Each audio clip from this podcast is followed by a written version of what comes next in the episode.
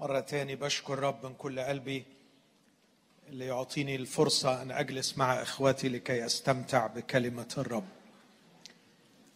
في مجرد رحلة بسيطة صغيرة أحاول فيها أن ألمس هذا الموضوع العظيم موضوع الصليب. لا أقدم تعليم كامل متكامل لا أقدم يعني ما يمكن أن يقدم عن الصليب لكن مجرد تلميذ يحاول أن يفهم آه، شيئا عن هذا العمل العظيم اللي كما ذكرت وأؤكد سيظل إلى أبد الآبدين. لا نستطيع أن نصبر أغوار ما حدث في الجلجسه لكن أرجو أن لا يفهم كلامي بشكل خطأ إن إحنا كوننا مش قادرين نفهم أعماق الصليب. معناه إن إحنا مش بنختبر روعة الصليب. أعتقد إني أشرت وأؤكد هناك فرق بين الفهم وبين الاختبار. فنحن نختبر ونعيش بركات الصليب. لكن ما أراه صعبا هو ادعاء أننا نفهم أبعاد ما حدث هناك في الجلجسة. بالأمس كان حديثي حول هذه الفكرة أنك لا تأخذ الصليب بعيدا عن سياقه. الصليب له سياق يفهم من خلاله. وهذا السياق رايته من أربع أضلاع. من هو الله وما هي الخطية؟ وما هو الغفران؟ وما هو الإيمان؟ إذا أخرجت الصليب بعيدا عن هذا المربع بعيدا عن هذه الأضلاع الأربعة يصبح فعلا الصليب جهالة وعثرة. إذا كان الله في نظرك هو الله العالي المتعالي والذي يظل يتعالى عن خلائقه والذي يغفر لمن يشاء. أعتقد أن الصليب لا قيمة له لا معنى له. لكن إذا تغيرت نظرتك لله ورأيته الإله الذي طبيعته الحب وهو الشغوف جدا بحكم طبيعته التي هي المحبة أن يكون في شركة مع الإنسان أن يحتضن الإنسان أن يدخل الإنسان إلى هذه الدائرة الأزلية من الشركة. لا بأن يصير الإنسان الها طبعا لكن أن يستمتع الإنسان بالوجود في دائرة الشركة الأزلية حيث الثالوث حيث المحبة. إذا رأيت أن الله يريد أن يدمج الإنسان ويجعله شريكا للطبيعة الإلهية ويستمتع بالمحبة وأن الإنسان في نفس الوقت خاطئ أعتقد أن الصليب من الممكن أن يكون له معنى. سأستطيع أن أفهم محبة المسيح الذي قبل البدلية إذا تغيرت صورة الله في ذهني. إذا فهمت أن الخطية وده الضلع الثاني الخطية مجرد فعل سيء يمكن أن يمحى بفعل صالح بفعل حسن. يصبح الصليب ملوش أي معنى. لكن إذا قرأت الكتاب المقدس وفهمت أن الخطية أكثر جدا من مجرد أن تكون فعل خطأ فعل سيء الخطية واقع مدمر. واقع مناوئ للطبيعة الإلهية. الخطية هي ضد المحبة. حيث توجد المحبة يوجد الارتباط والاندماج. حيث توجد الخطية يوجد التفسخ والعداوة. يوجد التمركز حول الذات. توجد رغبة الاستقلال. وتخيل لو عندك مليون كائن عاقل مستقل. حجم التصادم والتشويش والفوضى. وده اللي إحنا شايفينه في هذا العالم. إذا رأيت أن الخطية هي سرطان روحي يدمر الواقع الروحي والواقع الروحي أعمق من الواقع المادي وأقدم وأبقى وأوسع. إذا شفت الخطية باعتبارها سرطان في الواقع الروحي أعتقد أنه الحل الوحيد هو استئصال هذا الورم الخبيث استئصال الخطية.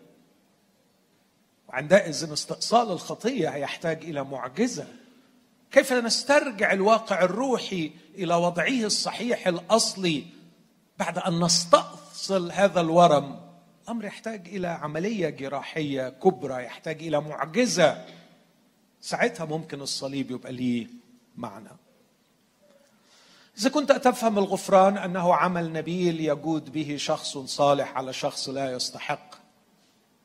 أعتقد أنه لا يتفق معه عمل الصليب لأنه اذا كان الله هو انبل الأشخاص فهو يجود بغفرانه على من يشاء فالعملية فعلا ما تستاهلش الصليب.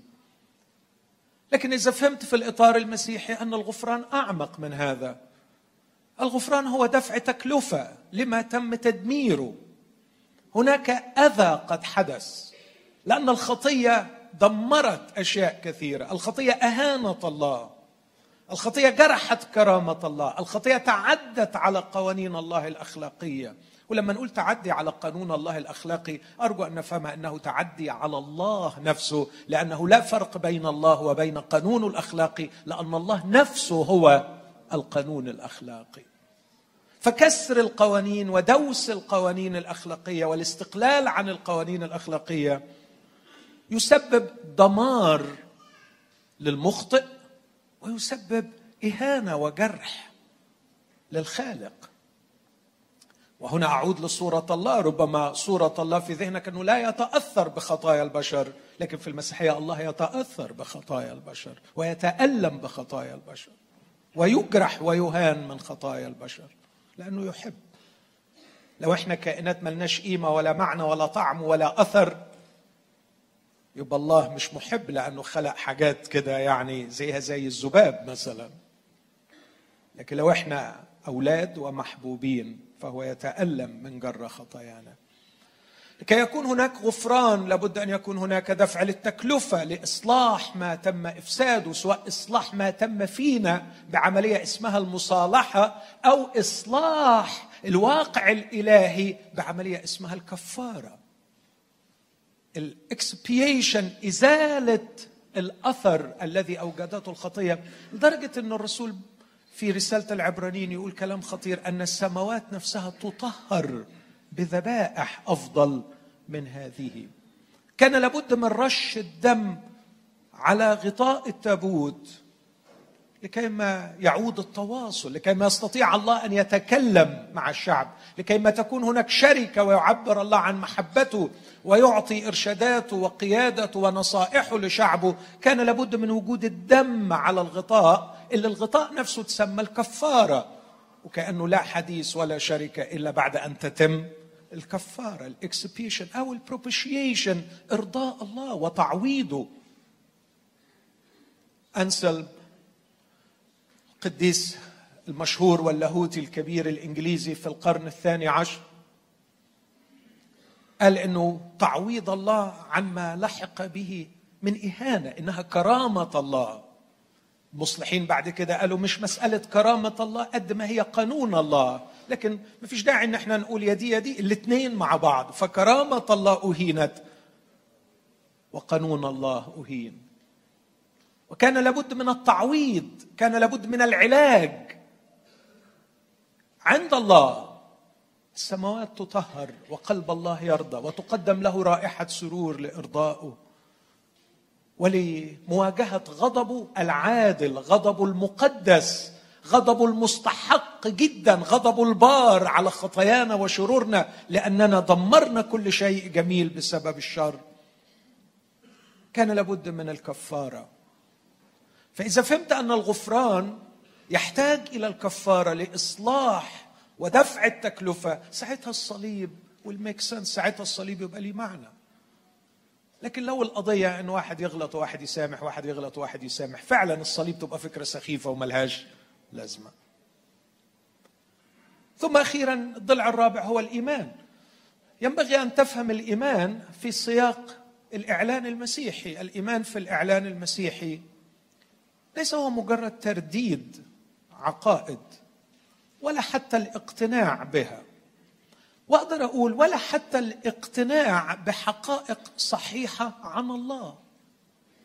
هقول تاني الإيمان في المفهوم المسيحي لا يتوقف عند حد الاقتناع وتصديق بكل القلب حقائق صحيحة عن الله. يعني أدي مثل من أروع الحقائق عن الله أن الله واحد. بس على فكرة الشياطين بيؤمنوا بكل قلبهم أن الله واحد. ليس هذا هو الإيمان الذي تقدمه المسيحية. فالإيمان بحقائق عن الله يختلف عن الإيمان بالله. الإيمان بالله في المفهوم المسيحي أن تتوحد معه أن تلتصق به. الإيمان يعبر عنه الرسول بعلاقة زوجية بديعة. من يلتصق بامرأة فهو جسد واحد ومن التصق بالرب فهو روح واحد. لذلك كان المسيح رغم روعته كثيرا ما يستخدم تشبيهات محيرة فكان يتكلم عن الإيمان به باعتباره أكل له. من يأكلني؟ يحيا بي. كلمة غريبة. اضطر البعض للتبسيط والاختزال المخل أن يخرجها عن سياقها ومعناها. ويحولها إلى معنى مادي. وهي لا علاقة لها بالمعنى المادي. لكنه هذا هو مفهوم المسيح للإيمان به. والإيمان ليس شيء يحدث مرة في الحياة. لكن المسيح يقول من يقبل إلي لا يجوع ومن يؤمن بي لا يعطش ابدا. والفعلين في اللغة اليونانية في حالة المضارع المستمر.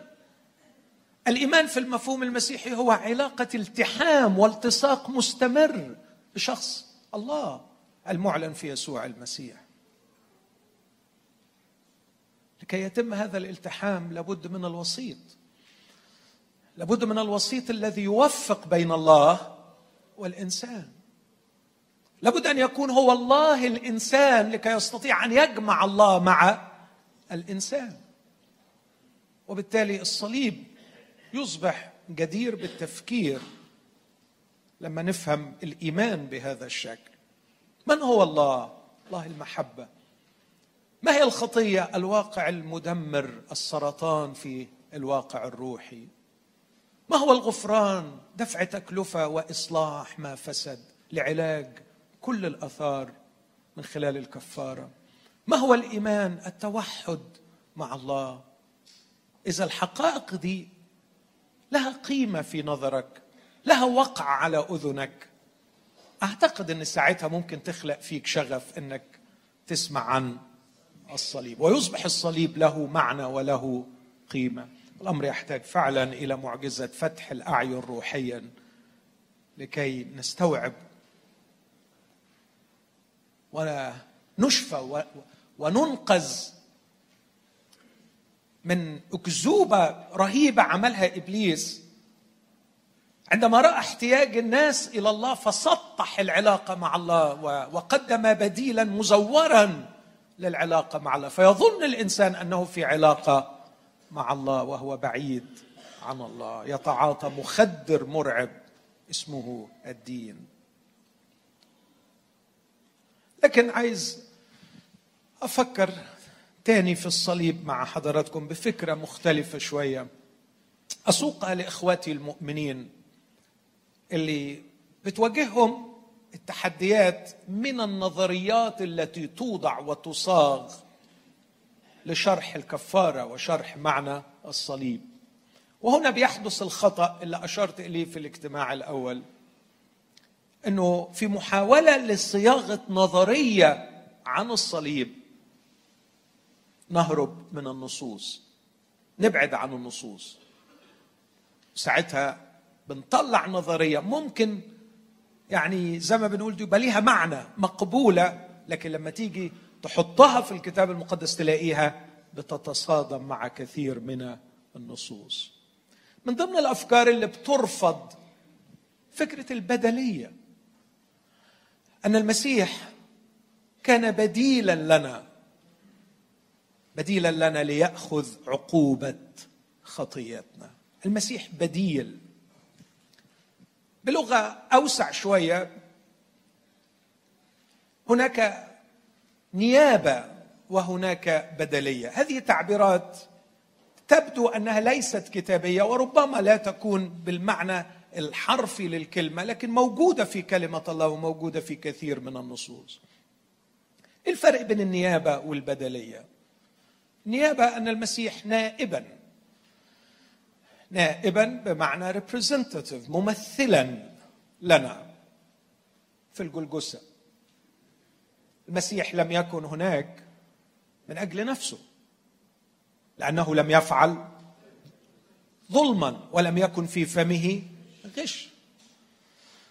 المسيح كان قادرا أن يحفظ نفسه من الوصول إلى هذا المكان المرعب. وقدم الدليل وراء الدليل على إنه قادر إنه ما يروحش للصليب. أشهرهم في بداية الرحلة المؤلمة نحو الجلجثة. من تطلبون يسوع الناصري؟ أنا هو. سقطوا. سقطوا على ظهورهم. وكان يستطيع أن يسحقهم. وهو معلق على الصليب كانت الصيحات الغبية الجاهلة السخيفة. انزل. خلص آخرين وأما نفسه فما يقدر أن يخلصها. المسيح لم يكن هناك من أجل نفسه. المسيح لم يكن هناك من أجل نفسه. لكن المسيح كان هناك يسكب للموت نفسه. يسكب نفسه. وكما أعلن صراحة أيضا قبل دخوله إلى هذه المعمعة ليس أحد يأخذها مني بل أنا أضعها. من ذاتي. كان نائبا ممثلا. لكنه أيضا كان بديلا سبستيتيوت بحاول أفرق بين النيابة والبدليه باللغة اللي بيفهمها الشباب اليومين دول فمش لاقي أفضل من الكورة. كلكم عارفين إنه لاعب الكورة بيبقى عنده وكيل أعمال. وكيل الأعمال يستطيع بكل الحقوق القانونية أن ينوب عن اللاعب في توقيع العقود. مش كده؟ يقدر يوقع عنه يقدر ياخذ قرارات بالنيابة عنه. وفعلا ما بيقدرش اللاعب إنه يعمل أي قرار بدون الرجوع إلى النائب الوكيل الريبريزنتيف بتاعه. لكن ما يقدرش الوكيل الأعمال ينزل بداله في الملعب. واللاعب اللي بينزل بداله ما بنسموش النائب أو الوكيل لكن بنسميه البديل. فهناك وظيفتين. يعني عارف إنه التشبيه يمكن مش في محله قوي لكن على الأقل يوصل الفكرة أن هناك نائب وهناك بديل. في واحد ممكن يمثلني زي اللي بيمثلوني في مجلس الشعب. ما أعرفهمش طبعا ولا عمري عرفتهم. ما أعرفش بيقولوا إيه من النيابه عني خالص. لكن المفروض المفروض طبقا لل للكلام اللي في الكتب إنه هو يكون هناك بناء على علاقة معي ليمثلني ويعبر عن رأيي. فكأني أنا هناك. وعندما يرفع إيده بالموافقة وأنا في بيتي كأني أنا بالضبط وافقت أو عندما يعترض كأني أنا اعترضت. كان المسيح نائبا لكن في حاجات كتيرة قوي ما يقدرش النائب يعملها بالنيابة عني أحتاج إلى شخص بديل. يعمل نفس العمل اللي أنا بعمله. ويعامل نفس المعاملة التي ينبغي أن أعاملها. المسيح على الصليب كان نائبا عن الجنس البشري لكن أقدر أقول وكان بديلا عني أنا كخاطي النيابة والبدلية أقدر أشوفهم في صليب المسيح. لا أدعي أنه أحيط علما بكل ما صار لكن بحاول أفهم. الكتاب يتكلم في رومية خمسة عن آدم الأول ويتكلم أيضا عن آدم الأخير. ما أشارش إليه بالاسم آدم الأخير في روميا لكن أشار إليه في كورنثوس الأولى 15 على أنه آدم الأخير. واضح أنه أنه في رأسين. واضح جدا إنه في قضية السقوط كان آدم الأول ممثل للجنس البشري. فعندما سقط كل الجنس سقط. عندما رفع يده بالموافقة كنائب رفع يده بالموافقة للحية للأسف الشديد كأننا كلنا وافقنا. دي كارثة حصلت. قد إيه أنت فاهمها وقد إيه مقتنع بيها؟ مش دي القضية. القضية هي حاصله ولا مش حاصله تاني أرجع وأقول انه واقع مؤلم نعيشه. مش أنت بس اللي محتار فيها الكل احتار فيها. كيف أن شخص سقط من آلاف السنين فعل الخطية والنتيجة أننا نحن أيضا قد سقطنا. صح ليك حق تتساءل. لكن هو واقع. قبلت ولا ما قبلتوش؟ هو واقع. الكتاب يسجل واقع قد حدث. بإنسان واحد رمية خمسة 12 دخلت الخطية إلى العالم. وبالخطية الموت. وهكذا اجتاز الموت إلى جميع الناس إذ أخطأ الجميع. إذ وجد الجميع خطاة. ما مدى عدالة هذا الأمر؟ ما مدى منطقية هذا الأمر؟ أرجوك ما تضيعش عمرك في البحث عن هذه الأسئلة. لكن فكر في أمرين تانيين. فكر هل هو واقع حقيقي ملموس أم لا. الكتاب المقدس يسجل لك الواقع لكن الأمر الآخر. الكتاب المقدس يقدم العلاج من هذا الواقع. لما كنت في الأسبوع الماضي في البلد الموجوع المتألم. كانت الرسالة التي على قلبي أنتم بتدوروا على إيه؟ هل بتدوروا على أجوبة لأسئلتكم ولا بتدوروا عن لمسة لأرواحكم؟ وكنت كثيرا ما أكرر هذه العبارة. لا تختزل نفسك إلى عقل يبحث عن أجوبة. لكن انظر إلى نفسك كنفس مجروحة تحتاج إلى حضن يضمها ويلمسها ويبرئها. مع كل تشجيع لك أن تحترم عقلك اعرف حدوده. أنا وأنت أصغر من أن نحيط علما بكل ما حدث وما يحدث في هذا الكون. لا نستطيع أن نحيط علما نحن محدودون في النهاية. العقل سيظل يبحث ويسأل لن نوقفه. لكن علينا ونحن نبحث ونفكر علينا أن ندرك أننا محدودون في النهاية. وعلينا في رحلة بحثنا عن الأجوبة ألا نهمل علاج أنفسنا. ألا نهمل أن نقبل العطية الممدودة لنا العطية المقدمة لنا من يد الله الممدودة بالخلاص. جي كي تشسترتون أعظم مفكري الإنجليز في القرن العشرين عقله أكبر مني ومنك كتير.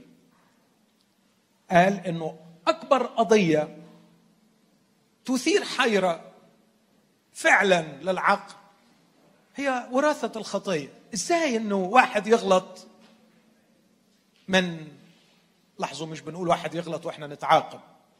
ما فيش التعليم ده في الكتاب. لكن ورثنا هذا الميل للخطية. هذا التشوه الذي حدث فيه صار فينا. فهو بيقول منطقيا مش عارف إزاي بس هو بيقول من الناحيه الثانية هي أص... هو بيقول هي أصعب قضية في الإيمان المسيحي يمكن تبريرها منطقيا لكنها أسهل قضية يمكن إثباتها عمليا. اديني ألف بني آدم في بلد أتحداك إذا لقيت لي واحد فيهم بدون خطية. غير الظروف غير الجغرافيا غير التاريخ. العب في الجينات اعمل أي حاجة. في الآخر هيولد بالخطية. بتناقش في إيه؟ بتناقش في؟ ما قدامك واقع مهبب. ما قدامك واقع بيصرخ في وجهك أن الجميع زاغوا وفسدوا معا. أتعجب من شخص يتجاهل الواقع لكي يبرر منطق. المنطق السليم هو الذي يتسق مع الواقع وعندما يعجز عن الاتساق مع الواقع يقف باتضاع ويقول مش فاهم. لكن أن تتجاهل الواقع لكي يتسق الواقع المغير والمصنوع مع ما في, فكرك ده ده أمر الحقيقة يعني مش كويس.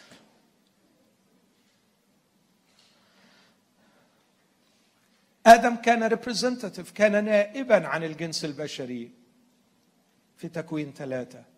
لكن الخبر الرائع اللي بتقدمه المسيحية أن المسيح في الجلجسه كان نائبا آدم الأخير. الرسول بيعمل هذه المقابلة ببراعة ببراعة خادم الله. عملها بحنكه وبمقابلات تحتاج إلى وقفة طويلة لكن مجرد قراءة بين النائب الأول والنائب الثاني في روميا خمسة. يقول في عدد 14 لكن قد ملك الموت من آدم إلى موسى وذلك على الذين لم يخطئوا على شبه تعدي آدم. وبعدين يقول عن آدم الذي هو مثال الآتي. مثال الآتي يعني هو ما فيش غير اثنين آدم والآتي. آدم والمسيح النائب الأول والنائب الثاني أو الأخير. فيش بعده نائب ثالث للجنس البشري عشان كده سماه آدم الأخير. ولكن ليس كالخطية هكذا أيضا الهبة عدد 15 لأنه إن كان بخطية واحد اللي هو آدم. لما رفع إيده وقال موافق في في في الجنة رفع إيده الموافق الموافق لمين؟ للحياة. الموافق بخطية بخطية واحد. مات الكثيرون. واضحة؟ النائب هو اللي أخطأ.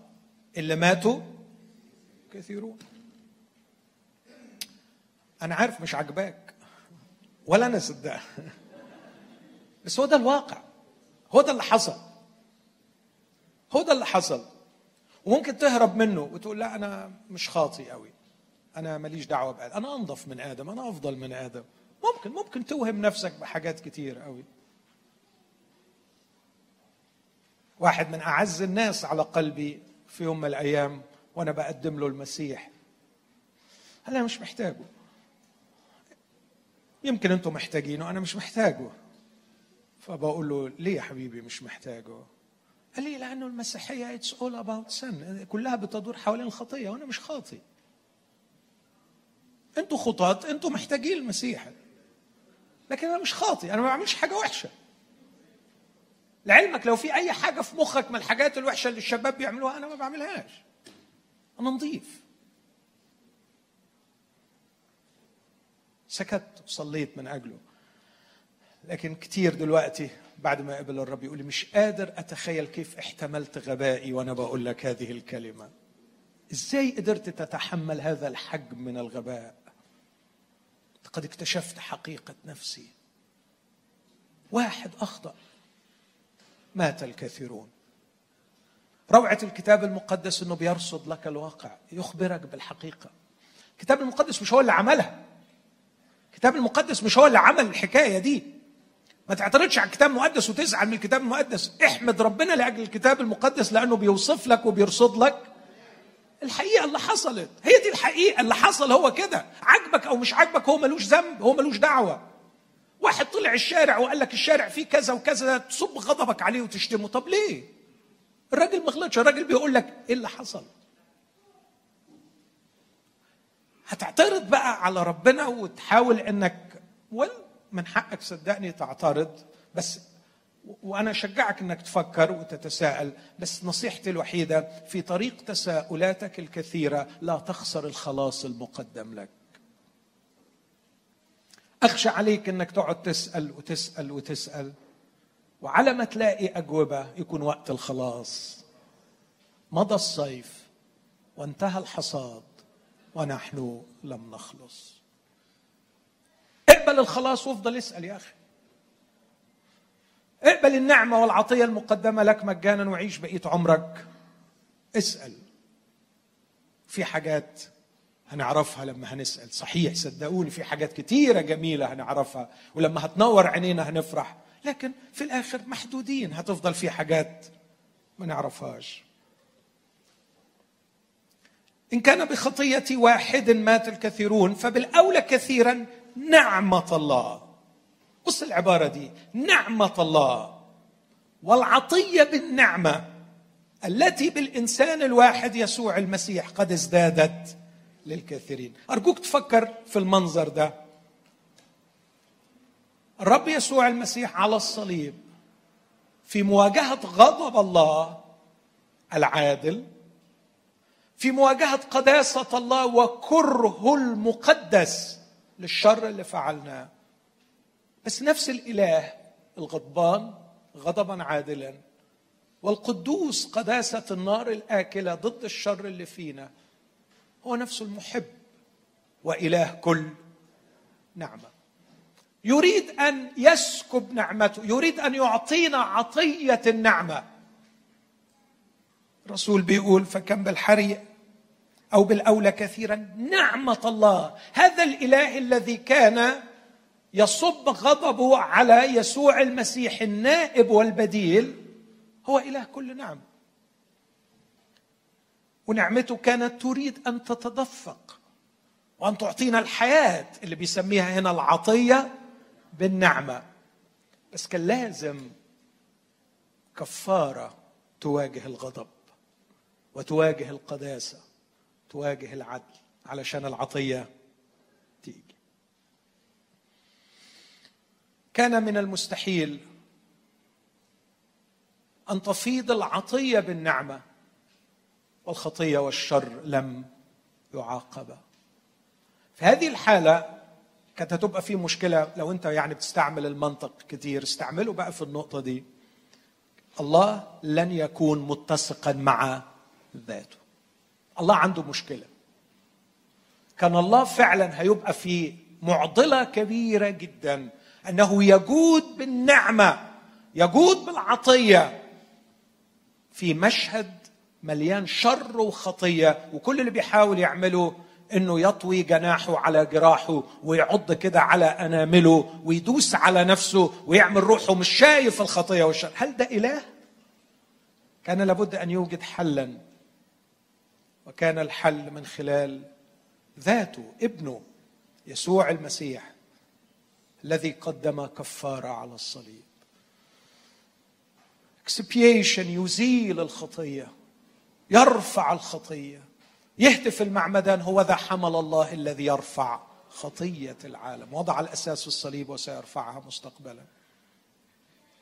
وأيضا كان لابد أن يعوض الله يقول حينئذ مزمور اللي قرينا منه امبارح. حينئذ رددت الذي لم أخطف. لقد خطفنا نحن سرقنا نحن. ده دي تعبيرات أنسل. قد سرقنا مجد الله وكرامة الله واهناه وكان لابد من شخص يطيع طاعة رائعة طاعة راقية طاعة محبة حقيقية. مع كونه ابنا تعلم الطاعة ويجتاز هذا الطريق في طاعة كاملة رغم إنه مش مطلوب منه إنه يعمل كده لكن باختياره أن أفعل مشيئتك يا إلهي. سررت أنا هعمل كده باختياري لكي أشبعك وأرضيك وأمجدك. إيه أبعاد ده؟ ما أقدرش أدعي إني فاهم لكن ده اللي بيعلنه الكتاب. وهو منطقي له يعني ات ميك سنس فعلا مقبول مستساغ. إنه ممكن يحصل. اسمع برضو في عدد 16 ليس كما بواحد قد أخطأ هكذا العطية لأن الحكم من واحد للدينونة. وأما الهبة فمن جرى خطايا كثيرة للتبرير. عدد صعب قوي بس مليان بنفس الفكرة. عدد 17 لأنه إن كان بخطية الواحد قد ملك الموت بالواحد فبالأولى كثيرا الذين ينالون فيض النعمة وعطية البر. عطية البر. سماها فوق العطية بالنعمة. من نعمة الله. ودلوقتي بيسميها عطية الإيه؟ جميل التعبير ده. يعني لم تكن على حساب البر. عطية النعمة لم تكن على حساب البر. ده اللي بيخلي خلاصي أكيد ويقين. إنه ما كانش على مبدأ معلش ما كانش على مبدأ زي بعضه غلابة وغلطه. لا قد دفع ثمنا كاملا ففاضت علي عطية الله بالنعمة على أساس من البر. فهي العطية بالنعمة وهي أيضا عطية البر. شيء جميل إنك تبقى واخد حاجة وانت حاسس انك يعني لم تحابى فيها مش كده؟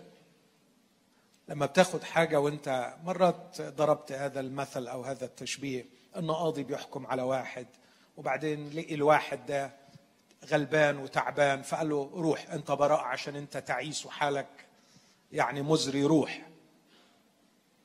واحد تاني قال له أنت أنت ابن مين؟ قال له ابن فلان. قال له طب عشان خاطر أبوك روح. واحد ثالث رشا القاضي فقال له روح. لكن في واحد فحصت أوراقه ووجد متهما لكن وجد من سدد عنه كل شيء. القاضي بيقول له روح. لا محاباه ولا رشوة ولا شفقة ولا عطف لكن بالبر. على داير مليم الثمن قد دفع. روح. جميلة. ينالون فيض النعمة وعطية البر بسبب النائب الذي كان هناك. هؤلاء سيملكون في الحياة بالواحد يسوع المسيح. فإذا كما بخطية واحدة صار الحكم إلى جميع الناس. ثاني أهو للدينونة. هكذا ببر واحد عندما أطاع يسوع حتى الموت. ده بره في طاعته على الصليب صارت الهبة إلى جميع الناس. بس لاحظ صارت الهبة إلى جميع الناس. دي النيابة دي نيابة المسيح. بس اللي هياخدها ويستمتع بيها يحتاج يدخل في حاجة تاني اللي بنسميها البدلية. الهبة مقدمة لأن في نائب جعل الخلاص متاحا. أنا عارف إن في البعض هيعترض على الكلام ده بس هذا اللي بفكر فيه. ده اللي فهمه المسيح نائبا صنع الخلاص العظيم فجعل العطية عطية البر وفيض النعمة متاح لجميع الناس. بس مين اللي هيستفيد؟ مين اللي هياخد؟ هنا أحتاج إلى صورة رمزية في العهد القديم. أعتقد إنها من أقوى الصور وأجملها. صوره الفصح. لكن الأقوى منها صورة يوم الكفارة. يمكن في اجتماع تاني أقف عند الفصح شوية لكن خلينا أشير إلى يوم الكفارة. يوم الكفارة يوم كيبور أهم يوم في السنة عند اليهود. اليوم الوحيد اللي بيصوموا فيه اليوم الوحيد اللي بيذللوا أنفسهم فيه. أهم يوم لغاية دلوقتي هو ده اليوم اللي اختارته مصر تحارب فيه لكي تنتصر في 73 لأنهم كانوا في حالة صوم طبعا مش انتصرنا عشان هم كانوا صايمين لا. انتصرنا لأن إحنا أقوى طبعا. أنا بتكلم جد مش عايز مشاكل. صحيح. بس جت يعني ذكاء حربي إنه يختار يوم هم صايمين فيه. في يوم الكفارة الطقس فيه معقد للغاية. يعني لو حابب تقرأ في كتاب لويليام كيلي كتاب كامل عن يوم الكفارة. يوم الكفارة الطقس فيه معقد للغاية مملوء بتفاصيل يمكن أن تفهم جزئيا إذا درسنا جيدا رسالة العبرانيين لكن مع هذا تظل في أبعاد في هذا الطقس. صعبة محتاجة دراسة أكثر في هذا اليوم اليوم المشهود الرهيب يبدأ بأن يخلع رئيس الكهنة ثياب المجد والبهاء ويلبس ثياب كتان ثياب اتضاع إنه يوم الاتضاع لأن النائب الممثل للشعب سوف يقوم بعمل عظيم سوف يقدم الكفارة عن الشعب إلى الله. مش هدخل في التفاصيل. لكن في هذا اليوم رئيس الكهنة لن يكفر فقط عن الشعب لكن سيكفر عن الخيمة نفسها. السماء التي هي إشارة للسماوات. في أمر عظيم حدث في الجلجسة خاص بالسماوات نفسها. لأن السماوات كانت قد تدنست. السماوات فيها مشكلة. الخطية ما وجدتش مع الإنسان. الخطية دخلت بآدم لكن الخطية كانت موجودة. لما يقول بإنسان واحد دخلت الخطية يبقى معناها إنها كانت موجودة. كان في مشكلة في السماوات بسبب الخطية. في اليوم ده بيحصل العلاج. لكن اللي يهمني في هذا الطقس الكبير المتعدد والمعقد هو أن ذبيحة الخطية يقال عنها ذبيحة الخطية ذبيحة خطية لكن في الحقيقة هم تيسين وليس تيس واحد. لكن يتقال عنهم بالمفرد إنهم ذبيحة خطية. وكأنه عايز يقول أن هذا العمل التكفيري له وجهان متميز لا ينفصلان لكنهما متميزان. في تمييز بين الاثنين. الأول هو اللي كنا بنحكي فيه النيابة للتكفير عن خطايا الشعب فكان يذبح التيس ويدخل بدمه إلى الأقداس. وده اليوم الوحيد اللي بيقدر يدخل فيه إلى قدس الأقداس. وربطها الرب بحادثة مشهورة تورينا الفكرة اللي حكينا فيها كتير. لما نداب وأبيه في أصحاح عشرة قربا نارا غريبه دخلوا قدموا نار غريبة نزلت نار من عند ربنا. وكالتهم. ما أعرفش دي هتفسرها إزاي اللي مش عاجبه ان ربنا بيغضب على الخطية وقدوس قدام الشر. هتحلها إزاي دي؟ أنا مش عاجبني إله العهد القديم. هتقول كده؟ هتوقع روحك في مشكلة كبيرة قوي. مشكلة كبيرة ملهاش حل.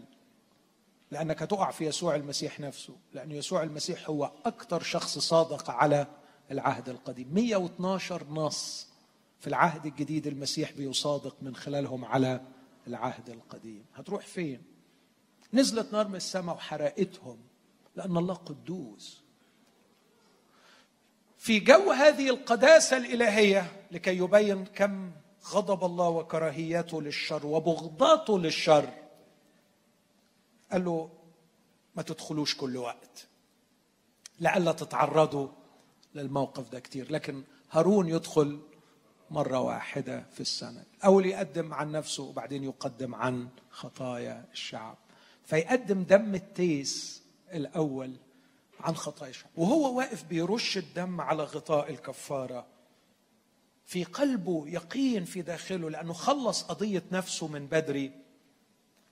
طبعا المسيح مش محتاج يعمل دي والرسول في العبرانيين أكد عليها أنه ما بيحتاجش أنه هو يقدم عن نفسه. حاشا ليه؟ لكن الثاني بعد ما خلص قضية نفسه مقتنع للنخاع واقف فاهم كويس قوي أنه هنا نائبا عن هذا الشعب إنه يكفر عن خطايا الشعب. يعني يكفر عنهم؟ يعني لكي يسكن غضب الله تجاههم لكي يسكن غضب الله تجاه خطاياهم اللي عملوها لكي ما يعيدهم للعلاقة مع عشان يفضل الله يجي على غطاء التابوت ويتكلم بالبركة لهذا الشعب. كان لابد من كرسي الرحمة. لكي يظل الله يرحم هذا الشعب. عشان يفضل ربنا يمتعهم بالبركة بتاعت سفر العدد يضيء الرب بوجهه عليك ويرحمك. يرفع الرب وجهه عليك ويمنحك سلامك. يباركك الرب ويحرسك. عشان يقدر الرب يعمل كده لازم الدم يترش على الغطاء. لكن بعد ما يخلص الحكاية دي بيطلع يكمل الطقس. ويكمله بطريقة غريبة. يجيب تيس تاني وبعدين بقى يحطوا إيديهم عليه ويقر على التيس بالذنوب والسيئات والمعاصي. وبعد ما يقروا بخطاياهم يحمل التيس خطاياهم ويذهب إلى أرض مقفرة تأكله الوحوش وتنتهي هذه الخطايا إلى الأبد. التيس هنا بديل بديل عن كل واحد أخطأ. اتحطت عليه الخطايا والسيئات والذنوب. ففي الدخول إلى الأقداس بالدم المسيح نائبا. لكن في المسيح اتطبقوا الأمرين. المسيح كان نائبا عني ممثلا لي. لكن الأمر الذي يمس العواطف والقلب أن المسيح على الصليب لم يكن فقط نائبا لكن كان بديلي my substitute فعلا كان بديلي بحيث إنه كان على الصليب. أقول لنفسي يا نفسي إذا استطعت راجعي كل تاريخك وتذكري كل شر صنعتيه. حاولي أن تعددي حجم الشرور التي ارتكبتيها يا نفسي. على الصليب كان المسيح يعدد هذه الشرور. ويقول احسب ذلك علي. كان عوضي كان بديلي كان يدفع عني كان يأخذ اللعنه التي أستوجبها لكسر ناموس الله ويأخذ العقوبة التي أستوجبها كخاطي تعدى. الخطية لها عقوبة وكسر الناموس له لعنة. والمسيح توحد معي.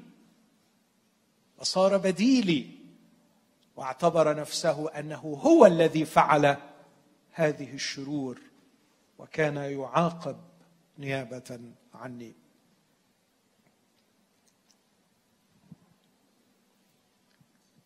الساعة 11 إلا ربع. أنا بدأت كام يا سامح؟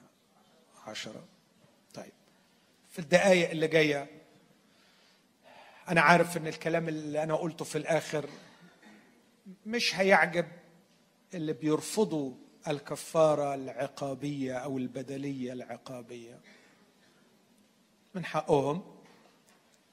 لكن سؤالي لأحبائي ماذا يفعلون مع أشهر أصحاح في كل العهد القديم؟ إشعيا 53 إشعيا 53 هو أصحاح النيابة والبدلية. الأصحاح مليان مليان بإحنا وهو هو نيابة عنا.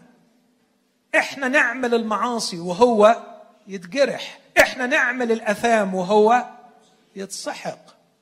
هو حمل خطية كثيرين. هو شفع في المذنبين. أثامهم هو يحملها. تعمل إيه في نص زي كده؟ أمر مرور سريع على هذا الأصحاح اللي يعتبر جوهرة عظيمة على صفحات العهد القديم. وخد بالك انه الأصحاح ده تتويج لسبع أصحاحات. ده السابع في قصة جميلة أمر عليها مرور سريع. اشعيا السته مين اللي جالس على الكرسي العالي والمرتفع؟ الرب يسوع المسيح. طبقا ليوحنا 12 قال إشعياء هذا حين رأى مجده اشعيا ستة وتكلم عنه. الرب يسوع في اشعيا ستة هو يهوى المرتفع. بس الاصحاح اللي بعده على طول اشعيا سبعة هو عمانوئيل المتضع. عجيب. في إشاعية ستة على العرش. في إشاعية سبعة في بطن فتاة. إيه ده؟ إيه ده؟ وتقول لي فاهم؟ فاهم إيه يا عمي؟ فاهم إيه؟ إزاي أقدر أفهم أن من كان على العرش يهوى يهوى العظيم يهوى هو في البطن وبعدين يقول له وتدعو العذراء دي تحبل وتلد ابنا وتدعو اسمه هو هو هو عمانوئيل الله معنا كيف يأتي من العرش إلى العالم طفل محطوط في بطن. بعد ما كان على العرش. بس يجي اصحاح تسعة بعديه على طول ويقول هو الاثنين هو الابن وهو الولد. يولد لنا ولد ونعطى ابنا. الابن لا يولد الابن يعطى. لأنه الابن من الأزل. وعشان كده يدعى اسمه عجيبا مشيرا. إلها قديرا أبا أبديا رئيس السلام. هو ولد مولود لكنه الله القدير. إشاعية ستة هو الله يهوى إشاعية سبعة هو الطفل المولود. إشاعية تسعة هو الاثنين مع بعض. هو الله وهو الإنسان. إشاعية 11 هو الملك العتيد. هو الملك اللي يخرج قضيب من جذع يسى ينبت غصن. من اصوله ويحل عليه روح الرب روح المشورة والقوة روح المعرفة ومخافة الرب. فلا يقضي بحسب مرأى عينيه ولا يحكم بحسب سمع أذنيه. لكنه يقضي يخرج الحق ويقضي للأمم. وساعتها الذئب مع الخروف والأسد مع الحمل. ساعتها يملك الملك العظيم لأنه هو الله وهو الإنسان. وبعدين يتوقف لفترة حتى يعود بنا إلى قصائد العبد المتألم. شعية 42 هو ذا عبدي. عبدي الذي أعضده مختاري الذي سرت به نفسي. ويصف لنا لا على العرش ولا في بطن العذراء. لا يصف لنا كالابن المعطى لكن يصف لنا كالعبد الخادم المتألم اللي عايش لا يصيح. ولا يرفع ولا يسمع أحد في الشوارع صوته قصبة مردودة لا يقصف فتيلة خامدة لا يطفى حتى يخرج الحق إلى النصرة أو إلى الأمان وعلى اسمه يكون رجاء الأمم. بعدين نروح لإشعياء 49 نسمع العبد نفسه بيتكلم وبيقول من بطن أمي دعاني من بطن أمي ذكر اسمي وقال لي أنت عبدي الذي به أتمجد ويستكمل قصيدة رائعة يظهر فيها كيف أنه أصيب بالإحباط والألم لما قال تعبت باطلا فارغا أفنيت قدرتي. فقال لي قليل عندي أن تكون لي عبدا لإرجاع أصباط إسرائيل. جعلتك خلاصي إلى أقصى الأرض. شعية خمسين هذا العبد في شركته الغريبة العجيبة التي لم يرى مثلها في كل الأنبياء ولا القديسين. كلنا بتجيلنا أيام كويسة وكلنا بتجيلنا أيام وحشة. بنبقى تعملين فيها قوي وده يقول لك يوقظ لي أذنا كل صباح لأسمع كالمتعلمين. السيد الرب فتح لي أذنا وأنا لم أعاند. كل صباح يسمع ويستلم الخطة. وبعدين يطلع علشان ينفذها يلاقي شر وإهانة. يقول لك بذلت ظهري للضاربين. وخدي للناتفين. وجهي عن العار والبصق. لم استر كانش بيغطي وشه. لأنه رايح يتمم مشيئة الله. وبعدين تيجي القمة بقى الأصحاح السابع إشعيا. 52 و 53 هذا الجزء الأخير. وهو فعلا قصيدة رائعة من خمس مقاطع. كل مقطع من ثلاثة أعداد. سموها في الشعر الستانزا. ثلاث زي ما في رباعيات في ثلاثيات. فهم خمس ثلاثيات غاية في الروعة. أنا أعتقد أنه كلها تفيض بهذا الفكر اللي بنادي به. أن المسيح كان نائبا وكان أيضا بديلا وأخذ عقوبة خطيتنا وشرنا. الثلاثية الأولى يراه فيها من النهاية بعد ما نجح. بيشوفه هو صاعد. بيشوفه هو مرتفع. أعتقد إنه هنا بيشوفه وهو يودع التلاميذ ويباركهم. وهو بيقول لهم دفع إلي كل سلطان في السماء وعلى الأرض. وهو تمم الانتصار في حالة مجيدة نجح. شايفه واللي بيتكلم عنه مش اشعيا ولا المؤمنين اللي استفادوا من عمله لكن اللي بيتكلم عنه هو الله الآب نفسه. بيقول عنه هو ذا عبدي يعقل. عاشها صح. عملها صح. لغاية آخر لحظة كان منحنيا في البستان يقول لا تكن إرادتي بل إرادتك. لغاية آخر لحظة كان على الصليب مصرا أن يتمم مشيئة الآب. من صدق؟ عفوا هو ذا عبد يعقل يتعالى يرتقي يتسامى جدا. دي تقدر تاخدها كده اللي بولس شافه في فيليب اثنين من أجل ذلك رفعه الله أيضا وأعطاه اسما فوق كل اسم. لكن ليه؟ ليه المجد والسمو والعظمة ليه كإنسان يرتقي؟ طبعا هنا بيتكلم عنه كإنسان. كإنسان لم ينفصل لاهوته عن نسوته قط لكن الرفعة والمجد اللي أخذه هنا أخذه كإنسان لأنه كالله لا نزل ولا يحتاج أنه هو يرفع. اللاهوت لا يقل ولا يضاف إليه شيء. لهذا الارتفاع كما اندهش منك كثيرون. كان منظره كذا مفسدا أكثر من الرجل. وصورته أكثر من بني آدم. هناك حالة اندهاش ولم نزل إلى الآن وهذا ما أشرت إليه في أول اجتماع إن غايتي من هذه الأفكار حول الصليب لعلها تعيد إلينا حالة الدهشة أن نندهش.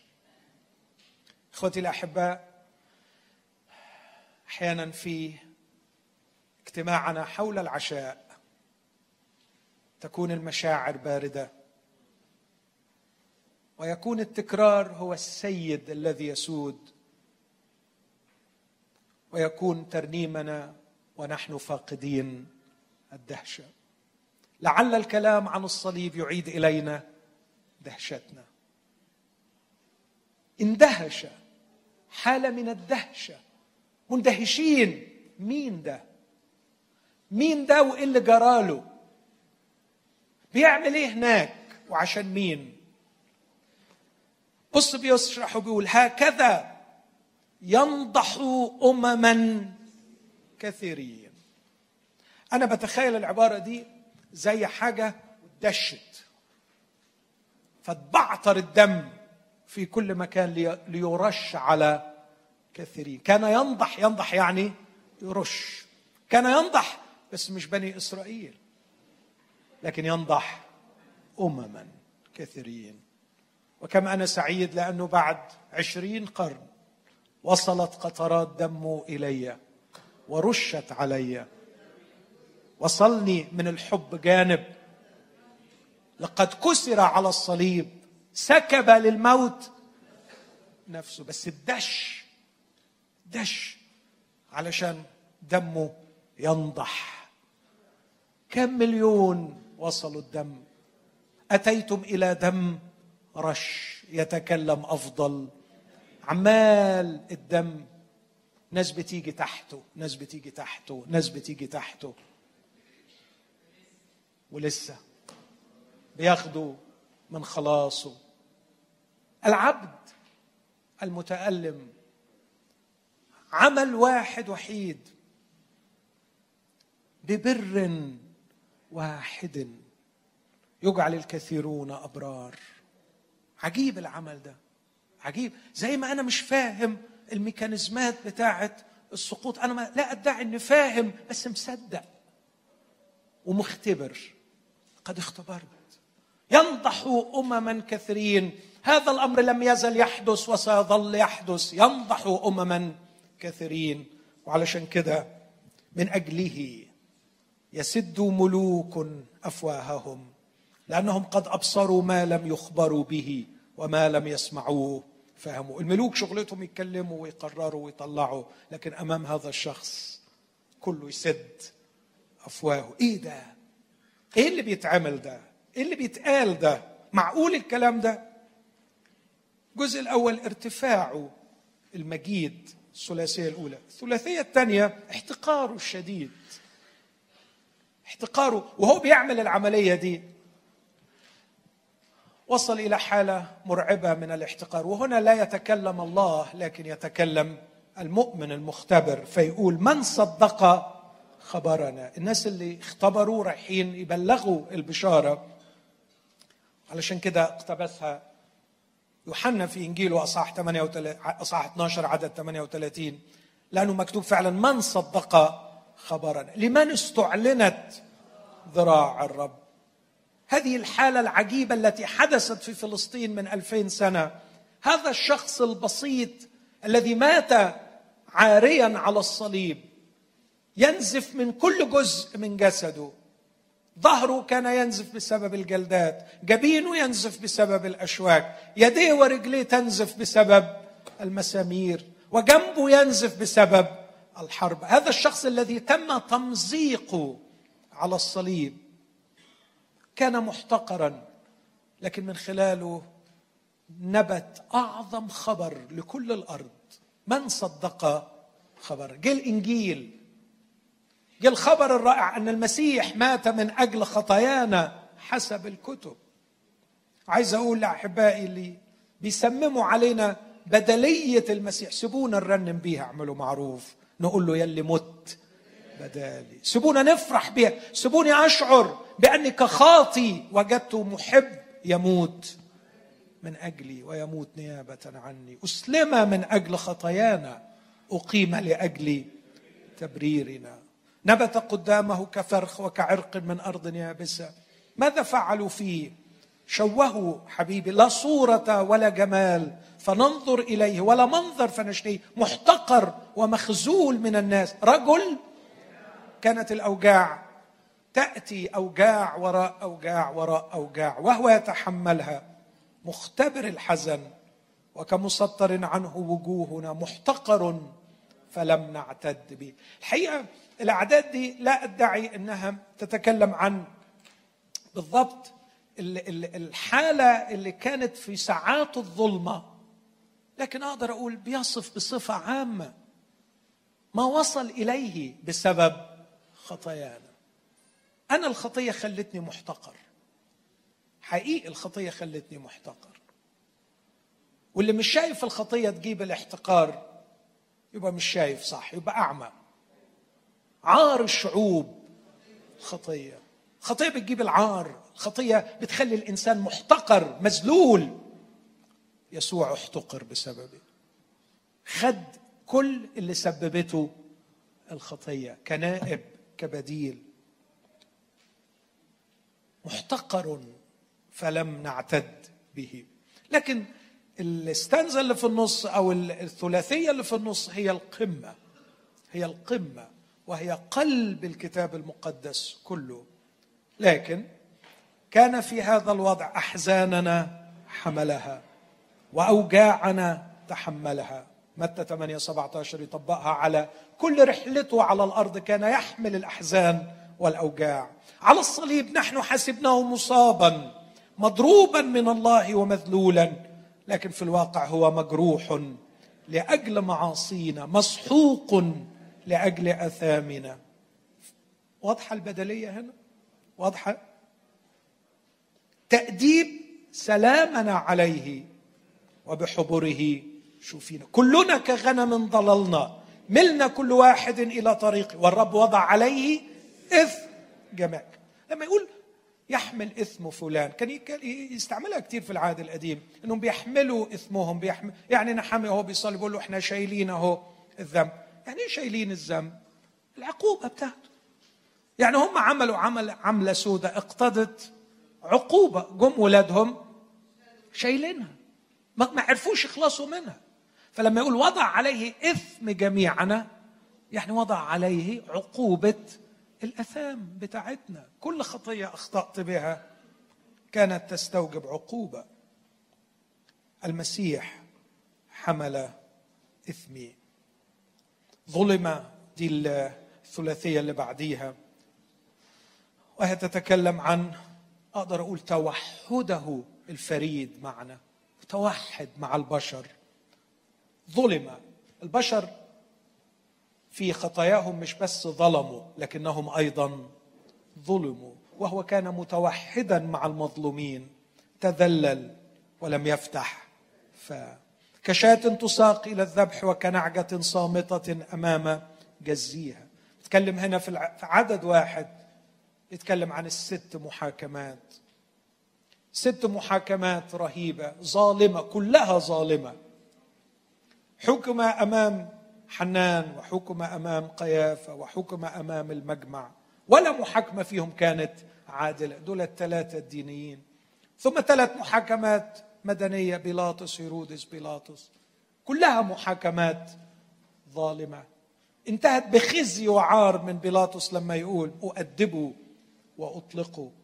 وفي النهاية جلدوا ثم أيضا صلبوا. لكن مش بس كانت في المحاكمات كان في حاجة قبل المحاكمات. كان في حاجة اسمها الضغطة قبل الدينونة. الضغطة في البستان والدينونة في المحاكمات. من الضغطة ومن الدينونة أخذ. أخذ إلى فين؟ أخذ إلى مكان العدالة الإلهية لكي ما يمثلني هناك. في جيله من كان يظن أنه قطع من أرض الأحياء أنه ضرب من أجل ذنب شعب. يرصد بقوة أفكار الناس وهم يحاولوا أن يحللوا الموقف. وأنا أعتقد هنا أنه حتى حتى الذين آمنوا به كانوا محتارين لأنه ما كانوش قادرين يتخيلوا أن البار يتألم. البار لا يمكن يتألم. البار دايما ربنا بينصفه. فكانت هناك شكوك ومخاوف وأسئلة حائرة ضرب من أجل ذنب شعبي. جعل مع الأشرار قبره. ده كانت التصميم اللي ناويين عليه التصميم الشرير. لكن يتدخل الله مع غني عند موته على أنه لم يعمل ظلما ولم يكن في فمه غش.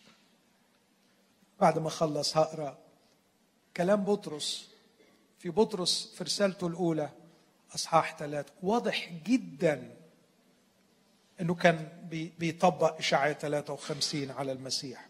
أما الرب فسر بأن يسحقه بالحزن إن جعل نفسه ذبيحة اذ اللي جعل نفسه هنا المسيح. محدش أخذها منه وهو وضعها من ذاته. سر أن يسحقه بالحزن. يسحقه بالحزن ليه؟ فكر في العبارة دي.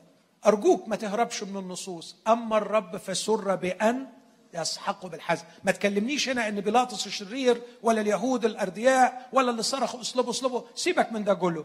النص هنا بيقول أن الرب سر بأن يسحقه بالحزن يسحقه ليه؟ يسحقه ليه وهو لم يعمل ظلما ولم يكن في فمه غش. سبب بسيط. إنه قبل أن يكون بديلي أنا أما الرب فسر أن يسحقه بالحزن مش الظروف اللي وصلت الرب اللي كان بيسحق لأنه هو قبل. ليه؟ ليه سر أن يسحقه بالحزن بص التفسير اللي بعديها إن جعل نفسه طالما أنه جعل نفسه ذبيحة إثم. عني عني. لكن تأتي القيامة هنا. اللي بيشوف ده أكيد قام من الأموات. واشعه 53 يتكلم أيضا عن القيامة. يقول عن المسيح يرى نسلا تطول ايامه ومسرة الرب بيده تنجح. من تعب نفسه يرى ويشبع. عبدي البار بمعرفته يبرر كثيرين وأثامهم هو يحملها. لذلك أقسم له بين الأعزاء ومع العظماء يقسم غنيمة. من أجل أنه سكب تاني سكب للموت نفسه. لم يؤخذ غدرا لم يؤخذ بسبب شر الأشرار لكن بمشورة الله المحتومة وعلمه السابق وبإرادته الحبية الرائعة قبل أن يكون بديلي. هو حمل خطية كثيرين. وشفع. حلوة أوي يختم بشفع. شفع هنا يعني صار الوسيط. الوسيط. هو الله. بكل ما هو الله. لما يقف قدام الله هو الله لكن كمان يقف قدام الله وهو الإنسان. أحجية هو الله وهو الإنسان. هو الإنسان فاستطاع شرعيا وقانونيا أن يمثلني واستطاع عمليا أن يموت نيابة عني لكن هو الله. ولذلك كانت ذبيحته كافية. كانت ذبيحته كاملة. كان قادر يكفي مش بس حجم خطاياي لكن حجم خطايا الكل. ينضح امما كثيرين. حمل خطية كثيرين. وشفع. راح الوسيط. هنا مش بمعنى الشفاعة بتاع رومية 8 أو عبرانيين سبعة لكن الشفاعة هنا بمعنى الوساطة. أنه كان الله الكامل والإنسان الكامل اللي قدر يعوض الله كافي جدا أن يعوض الله وكان يقدر قانونيا أنه هو يمثلني. ده إشعيا 53 اللي أعتقد أنه كان حاضر بقوة في ذهن بطرس وهو بيكتب كلماته. ولو حبيت أعمل مقارنة بين الاثنين ألاقي مش أقل من يمكن عشر تشابهات في هذه الأعداد القليلة.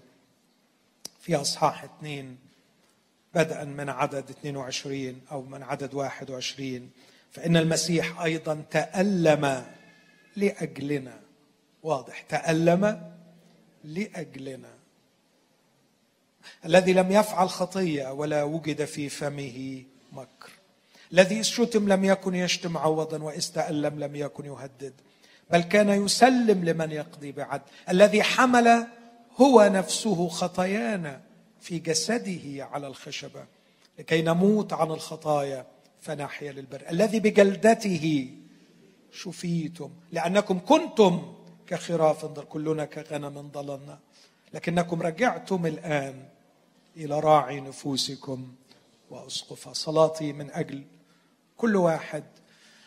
لم يقبل العطية اللي بالنعمة إنه يأتي في هذا الصباح.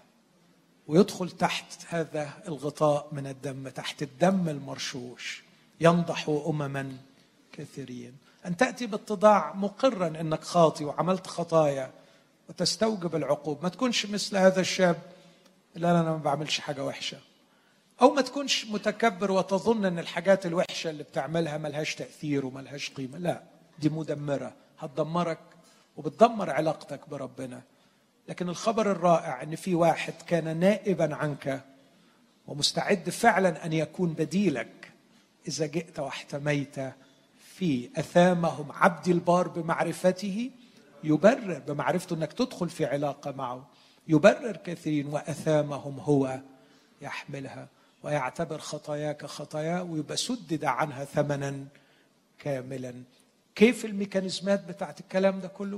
ما أعرفش ما افهمش ما أقدرش أفهمها لكنها واقع حقيقي نختبره.